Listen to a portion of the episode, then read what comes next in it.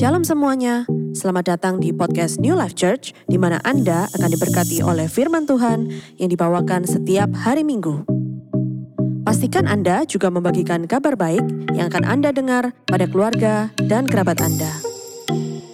Enjoy the podcast, Tuhan Yesus memberkati. Puji Tuhan, senang ketemu dengan Anda semua kembali di ibadah online kami. Saya tahu ini masih waktunya PPKM dan mungkin kehidupan hari ini belum sama seperti dulu sebelum Corona. Tapi walaupun situasi itu nggak menentu, tapi saya percaya kita semua baik-baik saja. Karena Tuhan Yesus menyertai. Sehingga apa pun kondisi, situasi, kehidupan, kalau ada Tuhan dalam kehidupan kita, maka semuanya akan baik-baik saja. Bahkan janji Tuhan itu cukup untuk kita bisa hidup dengan damai sejahtera dan sukacita. Sehingga saya percaya kita semua benar-benar dalam keadaan baik.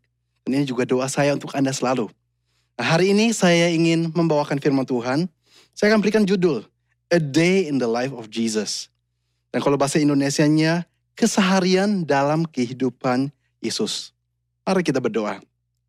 Tuhan kita bersyukur karena kami tahu apa pun yang terjadi di dunia ini, Engkau adalah Tuhan yang baik, yang menyertai dan menolong kami semua dalam apa pun yang kami lakukan. Engkau adalah Tuhan yang terlalu baik dan juga hari ini kami ingin supaya Engkau sungguh-sungguh bicara kepada kami semua, menuntun hidup ini, berikan kekuatan di dalam hidup ini. Bicaralah seperti hanya Engkau yang bisa. Di dalam nama Yesus semua katakan, Amen. Nah hari ini, tadi saya sudah katakan judulnya adalah A, life, A Day in the Life of Jesus atau keseharian dalam kehidupan Yesus. Di mana saya mau beritakan mengenai hal-hal yang biasanya dari hari ke sehari Yesus buat. Bukan berarti hanya hal-hal yang saya sebut hari ini itu Yesus yang Yesus buat. Dan bukan bukan juga berarti tiap hari harinya Yesus itu sama. Enggak. Tapi paling enggak kita melihat di dalam Injil, ini hal-hal yang sering diceritakan mengenai kehidupan Yesus. Nah hari ini saya akan membawa beberapa poin. Untuk poin pertama, Anda boleh tebak karena saya akan baca ayatnya dulu. Markus 1 ayat 35, di sana dikatakan begini. Pagi-pagi benar, waktu hari masih gelap, ia bangun dan pergi keluar. Ia pergi ke tempat yang sunyi dan berdoa di sana. Jadi kita melihat bagaimana bahkan hal yang pertama waktu hari masih gelap. Yesus berangkat berdoa. Jadi jelas ya, poin pertama adalah mengenai berdoa. Tapi izinkan saya, saya tambahkan beberapa ayat. Lukas 5 ayat 16. Tadi kan kita melihat bagaimana awal hari Yesus berdoa. Sekarang Lukas 5 16 di sana dikatakan begini. Akan tetapi ia mengundurkan diri ke tempat-tempat yang sunyi dan berdoa. Kalau kita baca di dalam bahasa Inggris terjemahan apa pun. Dan kita juga baca ini dalam bahasa asli, dikatakan di sana bagaimana Yesus itu sering, dalam bahasa Indonesia kata itu nggak dipakai, tapi ada seharusnya kata Yesus sering mengundurkan diri ke tempat yang sunyi untuk berdoa di sana. Bagi Tuhan, sama seperti itu bagi Yesus ya, pelayanan itu penting, tapi habiskan waktu dengan Allah Bapa di surga, itu juga penting sekali. Dan dilakukan dengan sering, dia menyendiri. Juga ada banyak sekali ayat yang lain yang seputar topik ini, tapi saya akan kasih contoh ya. Saya nggak akan baca. Tapi di dalam Matius 14 ayat 20 dan 23, di sana ada satu perikop dengan judul perikop begini. Yesus berjalan di atas air. Dan menarik sekali, Anda kalau ingat semua, ternyata pernah terjadi murid-murid lagi di atas air dengan perahunya. Dan Yesus itu berjalan di atas air kepada mereka. Tapi bagaimana perikop itu mulai? Apa yang terjadi sebelum Yesus berjalan di atas air? Nah ternyata sebelumnya barusan terjadi mujizat 5.000 orang diberikan makan. Ya lima roti, dua ikan cukup untuk lima ribu laki-laki. Yesus melayani seharian dengan murid-muridnya. Seharusnya capek, tapi dikatakan setelah murid-murid sudah berangkat naik perahu dan orang-orangnya semua sudah pulang, Yesus pergi ke satu tempat dan berdoa. Selesai pelayanan pun, walaupun capek-capek, dia ingin habiskan waktu dengan Allah Bapa di surga. Nah, jadi kita melihat kalau bagi Yesus menyendiri dengan Tuhan itu penting, apalagi seharusnya untuk kita. Berdoa itu sebenarnya bicara tentang apa sih? Bicara tentang komunikasi dan artinya komunikasi ya tentunya dua arah. Saya bicara kepada Tuhan dan Tuhan itu bicara kepada saya. Saya yakin anda semua dalam doa sering bicara kepada Tuhan. Tapi apakah Anda juga ada waktunya di mana Anda merasa Tuhan itu juga bicara kepada saya? Kalau nggak pernah muncul waktu seperti itu, tanda tanya besar. Ada satu hal yang aneh, there's something wrong. Kalau komunikasi itu cuma terjadi satu arah. Memang saya ini setuju sekali kalau cara paling utama yang Tuhan pakai untuk bicara kepada kita adalah melalui firman Tuhan. Firman Tuhan adalah suara Tuhan yang sudah tertulis dan kita semua perlu tahu apa yang dituliskan dan yang dikatakan oleh Tuhan. Itu cara yang paling utama. Tapi pada saat kita hidup berjalan dengan Tuhan, hidup seperti kata Alkitab bergaul dengan Tuhan, tentunya kita juga akan mendengar suara suara Tuhan secara personal, secara pribadi. Bagaimana Tuhan memberikan beberapa arahan khusus di dalam kehidupan kita. Entah itu lewat pikiran, lewat dorangan, lewat impresi yang kuat, lewat suara di dalam hati, atau lewat cara apa pun yang Tuhan mau pakai untuk bicara kepada kita. Apakah berarti setiap saat akan seperti itu di mana kita dengar suara Tuhan? Ya enggak. Ya kita juga semua tidak menjadi Kristen aneh. Sedikit-sedikit dengar suara Tuhan, sedikit-sedikit dengar suara Tuhan. Tiap kali mau ngomong sama orang atau diskusi dengan orang, kita selalu katakan, oh kata Tuhan begini, kata Tuhan begitu. Jadi orang mulai malas bicara dengan kita. Gimana mereka mau jawab kalau semuanya perkataan kita cuma kata Tuhan, kata Tuhan. Apalagi sering kali kenyataan orang yang suka seperti itu, sering kali itu nggak dari Tuhan yang mereka dapat. Itu cuma keinginan mereka sendiri dan mereka atas namakan Tuhan. Jadi ya kita nggak jadi Kristen aneh. Tapi di saat bersamaan Tuhan juga masih bicara. Dan memberikan dorongan dan pikiran dan bicara di dalam hati kita. Tapi sayangnya banyak Kristen hari-hari ini sudah nggak percaya bahwa Tuhan masih sampai hari ini bicara kepada kita secara personal. Mereka anggap kalau ada orang yang berpendapat Tuhan masih bicara secara personal itu sesat. Dan mereka sangat menentang. Sedangkan pendapat mereka seperti itu, itu nggak Alkitabiah. Justru Alkitab menunjukkan bagaimana Tuhan itu masih bicara kepada kita. Dari Alkitab, dari kitab pertama di Alkitab Anda ya. Di dalam Alkitab, kitab pertama kejadian ada Adam dan Hawa. Mereka bergaul dengan Tuhan. Maju ada Nuh, maju ada Abraham, ada Henok, ada Musa, ada banyak orang lain, ada nabi-nabi. Entah itu Samuel, Elia, Elisa, ada raja-raja seperti Daud, seperti Salomo, masuk perjanjian baru. Ada Yesus sendiri, ada murid-muridnya, ada Petrus, ada Paulus, dan selalu kita baca. Bagaimana mereka dituntun oleh Tuhan karena Tuhan berbicara kepada mereka maju sampai kitab terakhir yang ada di dalam Alkitab, Wahyu. Kitab Wahyu yang ditulis oleh Yohanes. Dikatakan bagaimana dia tulis itu karena Tuhan bicara kepada dia. Gak ada satu ayat mengatakan setelah ini Tuhan gak pernah akan bicara lagi kepada anak-anaknya. Itu sebuah keanehan. Jadi jelas Tuhan masih bicara. Bahkan Yesus katakan Yohanes 10 ayat 4. Domba, Anda dan saya kita dombanya Tuhan. Kita mengenal suara gembalanya. Itu kebenaran Alkitab. Yohanes 16 ayat 12 sampai 13 saya akan bacakan. Di sana dikatakan oleh Yesus, masih banyak hal yang harus kukatakan kepadamu, tetapi sekarang kamu belum dapat menanggungnya. Tetapi apabila ia datang, yaitu roh kudus, roh kebenaran, ia akan memimpin kamu ke dalam seluruh kebenaran, sebab ia tidak akan berkata-kata, perhatikan ada kata berkata-kata, dari dirinya sendiri, tapi segala sesuatu yang didengarnya itulah yang akan dikatakannya dan ia akan memberitakan kepadamu hal-hal yang akan datang. Roh Kudus akan memberitakan hal-hal kepada engkau. Karena kenapa kita sebagai anak Tuhan, kita butuh tuntunan Tuhan. Memang firman Tuhan itu tuntunan yang sudah sangat lengkap dan luar biasa. Tapi ada saat-saatnya, momen-momen spesifik di mana Tuhan mau kasih arahan khusus.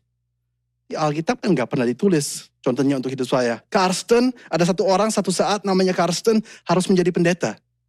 Nah, karena nggak ada dalam Alkitab hal itu, waktu saya berdoa dan dituntun Tuhan, saya mengerti ini panggilan saya.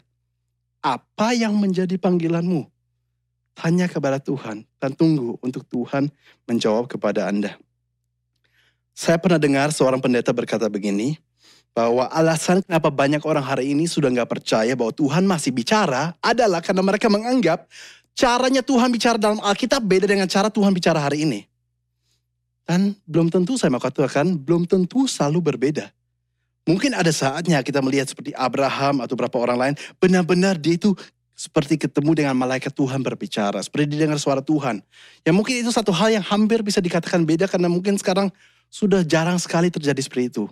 Mungkin hari ini lebih sering kita merasa kayak Tuhan bicara dengan dorongan atau impresi.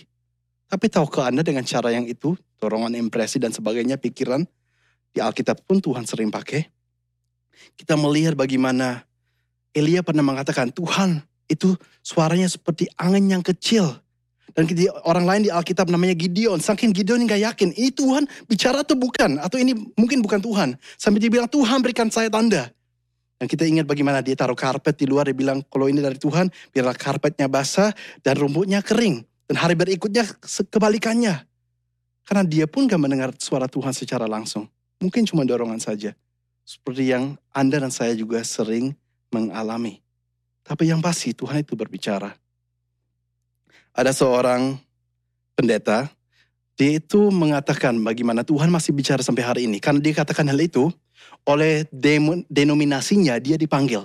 Dan dia, dia perhadapkan dengan empat orang, empat pendeta lainnya. Dan dia ditanya jawabi selama tiga jam. Kenapa? Karena dia sudah mengatakan bahwa Tuhan masih bicara sampai hari ini ya kepada kita.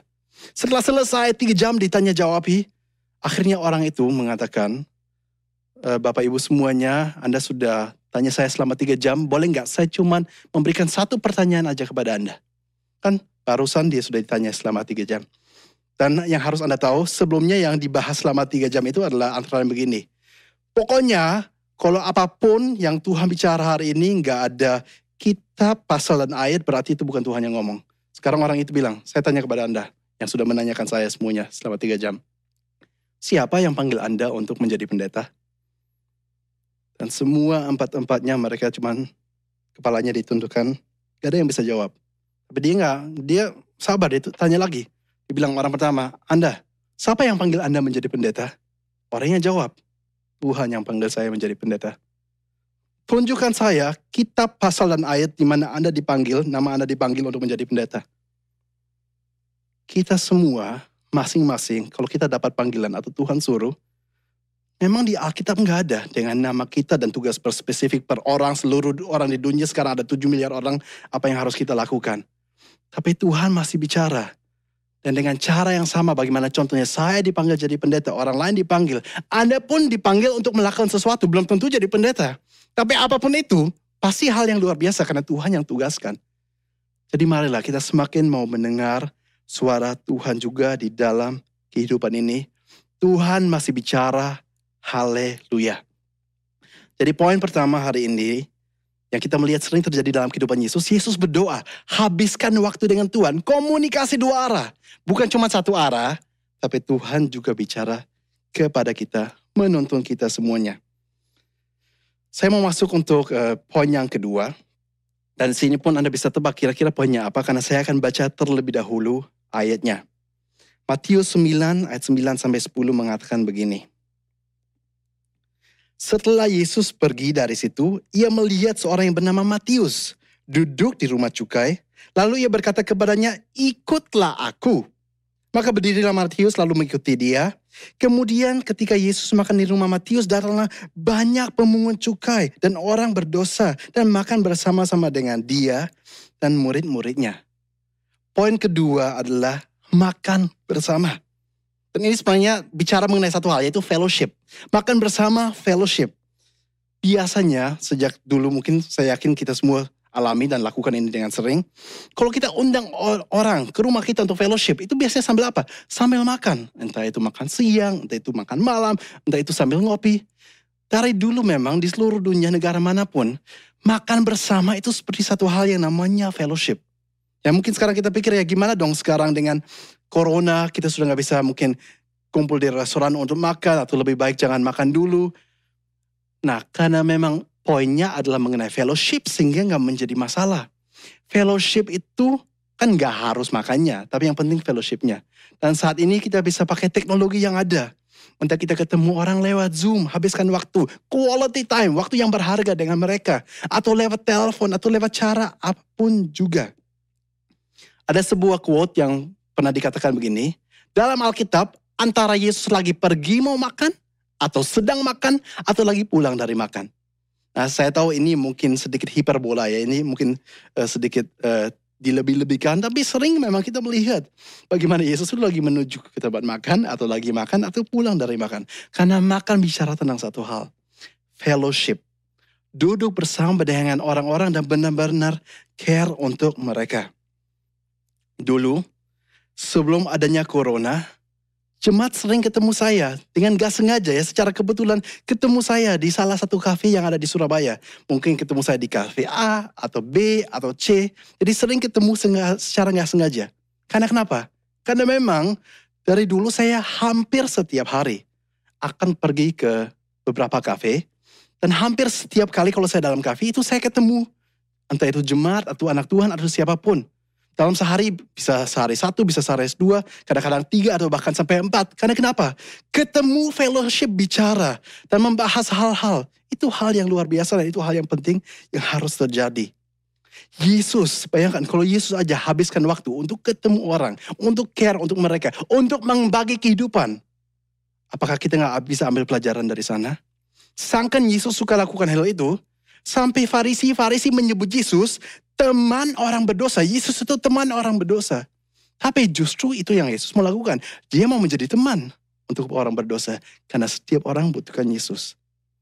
Nah, maukah hari ini Anda menjadi kakinya, tangannya, mulutnya Tuhan Yesus Kristus di dunia ini? Sehingga apalagi kayak sekarang, di mana pandemi, di mana banyak orang dalam kesusahan, di mana PPKM, orang butuhkan zaman Tuhan melalui Anda. Relakah Anda untuk Anda hidupnya Anda dipakai. Jadi fellowship. Saya bukan bicara cuma mengenai Anda ketemu teman-teman terbaik Anda, di mana Anda have fun together, bersenang bersama. Tapi juga benar-benar Anda ketemu orang, di mana Anda tahu, kayaknya memang orang tersebut, Tuhan sudah taruh dalam hati saya, untuk saya habiskan waktu. Untuk saya bisa sharing, untuk saya bisa caring, untuk saya bisa berikan waktu. Dan semoga melalui waktu yang indah ini, Tuhan juga bisa menjamah dia. Tadi saya ingin memberikan sebuah tugas kepada Anda semua. Coba setelah ibadah ini, Anda ambil waktu Anda berdoa. Dan Anda katakan, Tuhan, siapa orang yang saya kenal? Siapa orang sekeliling saya? Yang bisa engkau jamah melalui saya. Yang memang engkau mau jamah dia dengan memakai saya. Dan supaya Anda juga rela untuk memberikan waktu Anda. Dipakai oleh Tuhan. Yesus sering makan bersama fellowship dengan orang-orang. Dan poin yang ketiga, di sini pun saya akan baca ayatnya. Anda boleh tebak ini bicara tentang apa. Markus 10 ayat 45 dikatakan begini. Karena anak manusia yaitu Yesus juga datang bukan untuk dilayani melainkan untuk melayani dan untuk memberikan nyawanya menjadi tebusan bagi banyak orang. Yesus berikan hidupnya untuk apa? Dikatakan melayani. Poin ketiga adalah melayani. Bagaimana pelayanan Yesus di dalam Alkitab? Caranya bagaimana? Banyak cara, banyak bentuk. Salah satunya seperti yang tadi kita sudah bahas, melalui fellowship. Di mana dia memberikan waktunya, membagikan hidupnya kepada orang-orang lain. Juga yang Yesus sering lakukan, cara pelayanan Yesus adalah dengan mendoakan. Entah dia mendoakan untuk kesembuhan, dia mendoakan untuk mengusir setan sehingga banyak orang yang disembuhkan, banyak orang yang dilepaskan. Itu terus menerus di seluruh Injil akan engkau ketemu. Ini yang dilakukan oleh Yesus. Di sini pun saya cukup sedih karena saya melihat banyak orang zaman sekarang sudah sama sekali nggak percaya mujizat. Apalagi kalau sudah ngomong istilah karunia mujizat, mereka sangat menentang. Jadi mereka akan katakan hal-hal kayak gitu. Kalau karunia mujizat masih ada, kenapa pendeta-pendeta yang mengatakan ada karunia mujizat, kenapa mereka nggak masuk rumah sakit sehingga seluruh rumah sakit semuanya sembuh? Dan saya mau katakan argumen seperti itu sangat nggak alkitabiah, alkitabiah sangat nggak masuk akal. Coba anda lihat kehidupan Yesus berkali-kali. Contohnya Yesus pergi ke satu tempat namanya Siluam. Yesus pergi ke sana dikatakan penuh dengan orang sakit. Apakah seluruh orang sakitnya disembuhkan? Enggak. Ada satu orang yang Yesus pilih, orang lumpuh, disembuhkan yang lainnya enggak. Karena mungkin pada saat itu waktu siapa tahu pagi-pagi Yesus lagi doa dan tanya apa kehendak engkau Tuhan. Terus Bapak dari surga menjawab, oke hari ini kamu harus pergi ke Siloam, ada seorang satu orang yang saya pilih. Ada kehendak-kehendak spesifik. Bukan berarti bahwa di mana pun Yesus pergi, mau itu Siloam dan tempat lain, semua orang itu harus disembuhkan. No, of course not. Memang yang kita melihat kalau orang itu datang pada Yesus, pada saat seperti KKR ya. Jadi ada banyak orang yang datang. Nah mereka yang sendiri datang, Yesus sembuhkan mereka semua. Kita baca dalam Alkitab. Tapi di luar itu kalau Yesus pergi ke tempat-tempat lain belum tentu sering banyak sekali kota, banyak sekali orang yang kita baca dilewatkan. Jadi nggak masuk akal memakai argumen-argumen yang bahkan sudah terjawab oleh Alkitab sendiri. Intinya satu, kesembuhan dan mujizat itu ada. Yesus sering melayani. Salah satu bentuk pelayanan Yesus adalah mendoakan. Dan marilah kita mau ikut jejak kaki Yesus. Apa yang dia lakukan, kita mau melakukan. Jangan percaya dengan banyak orang yang anti dengan Alkitab. Ini yang saya percaya secara pribadi. Bahwa memang banyak orang yang anti dengan banyak hal yang di Alkitab. Itu antara lain juga siapa tahu dihasut oleh iblis. Supaya pelayanan Tuhan di dunia ini tidak terjadi. Karena yang jelas saya percaya firman Tuhan 1 Korintus 12 ayat 7 sampai 9 mengatakan ada karunia-karunia antara lain karunia kesembuhan. Markus 16 ayat 17 sampai 18 di sana anak Tuhan, anak anak Tuhan, anak Anda anak Tuhan, saya anak Tuhan kita diberikan tugas ya untuk antara lain meletakkan tangan atas orang sakit supaya orang sakit sembuh, untuk mengusir setan supaya orang itu dilepaskan. Itu pelayanan mulia yang diberikan. Apakah berarti setiap orang yang Anda dan saya doakan semuanya disembuhkan? Belum tentu. Jadi kadang-kadang kita nggak tahu siapa yang setelah kita melayani sembuh atau enggak itu kembali kepada Tuhan. Tapi paling enggak, saya taat dengan Alkitab. Saya melakukan apa yang Yesus lakukan dan saya taat dengan apa yang Yesus katakan. Saya bertindak sesuai amanat yang dia sudah berikan kepada saya. Dan kalaupun hari ini ada mendengar siapa pun dari Anda, mungkin Anda pernah didoakan dan Anda belum sembuh sampai hari ini. Kita nggak perlu kecewa juga. Karena walaupun kita percaya dalam Alkitab kesembuhan itu ada, tapi kalaupun tidak sembuh, saya tetap percaya Tuhan adalah Tuhan yang baik yang lebih mengerti daripada saya apa yang terbaik untuk saya. Walaupun hidup mungkin kelihatannya situasi lagi berat, tapi adanya Tuhan Yesus dalam kehidupan Anda dan saya, itu lebih dari cukup untuk hidup sukacita dan penuh damai sejahtera. Kita bahkan melihat di Alkitab, Paulus pun berdoa. Dikatakan, saya sudah minta Tuhan kepada engkau berkali-kali ya, duri ini dicabut, tapi Tuhan katakan saya nggak akan cabut. Supaya dalam kelemahanmu, kekuatanku menjadi sempurna. Kadang-kadang kehendak Tuhan beda. Kita melihat di gereja mula-mula kalau kita pelajari. Ada banyak yang dikejar, sangka dikejar Petrus. Kalau Anda baca surah Petrus. Petrus tulis kepada mereka, kalian itu jangan kecewa atau kalian jangan heran. Kalau kadang-kadang ada hal-hal yang terjadi yang tidak nyaman. Ya bukan berarti bahwa Tuhan gak menjawab doa. Tapi kadang-kadang memang kehendak Tuhan lain. Tapi walaupun hal-hal seperti itu terjadi di Alkitab, tetap seluruh Alkitab perjanjian baru tetap full dengan orang-orang itu didoakan Nah mari kita tetap melakukan bagian kita juga. Jadi hari ini saya sudah membagikan beberapa hal yang Yesus sering melakukan dalam kehidupannya. Dia sering, entah itu pagi, siang, atau malam hari, berdoa kepada Allah Bapa. Komunikasi dua arah. Yang perlu ada dalam hidup Anda, hidup saya juga. Yesus sering makan bersama, fellowship, membagikan hidup. Gimana orang lain mau kenal Tuhan kalau kita gak membagi hidup dengan mereka dan berikan waktu kita untuk mereka. Yang ketiga, Yesus melayani. Memang bentuknya banyak sekali Yesus melayani, tapi hari ini terutama kita fokus kepada bagaimana Yesus antara lain melayani dengan bentuk mendoakan orang-orang. Saya sangat rindu dan saya berdoa supaya hari ini semua yang mendengarkan saya, apalagi kalau Anda jemaat New Life Church, jadilah terang, jadilah garam, terlebih di saat pandemi seperti ini. Orang-orang membutuhkan Tuhan. Dan biarlah hari ini kita menjadi kepanjangan tangan Tuhan. Mari kita berdoa. Tuhan kita bersyukur untuk firman Tuhan yang boleh kita dengar hari ini. Kami tahu bagaimana engkau sangat peduli dan sangat mencintai setiap manusia. Mulai dari bagi kita Surabaya, kota tercinta. Doa kami adalah supaya hari ini kita ambil sebuah keputusan untuk kita mau dipakai oleh Tuhan di mana pun kita berada. Supaya keluarga kita, tetangga kita, dan orang-orang di tempat pekerjaan kita atau di mana pun benar-benar melihat kebaikan Tuhan yang terpancar kepada mereka. Biarlah di tengah-tengah kegelapan kita semua bisa menjadi terang yang membawa harapan dan memberikan kekuatan kepada orang-orang. Doa kami adalah supaya banyak orang diselamatkan dan mulai hari ini supaya hidup kami semua semakin dipakai. Dan juga saat ini di mana pun Anda berada, kita boleh angkat tangan ke surga. Saya berdoa biar berkat dari arah Bapa, cinta kasih dari Tuhan Yesus, dan penyertaan indah oleh Roh Kudus.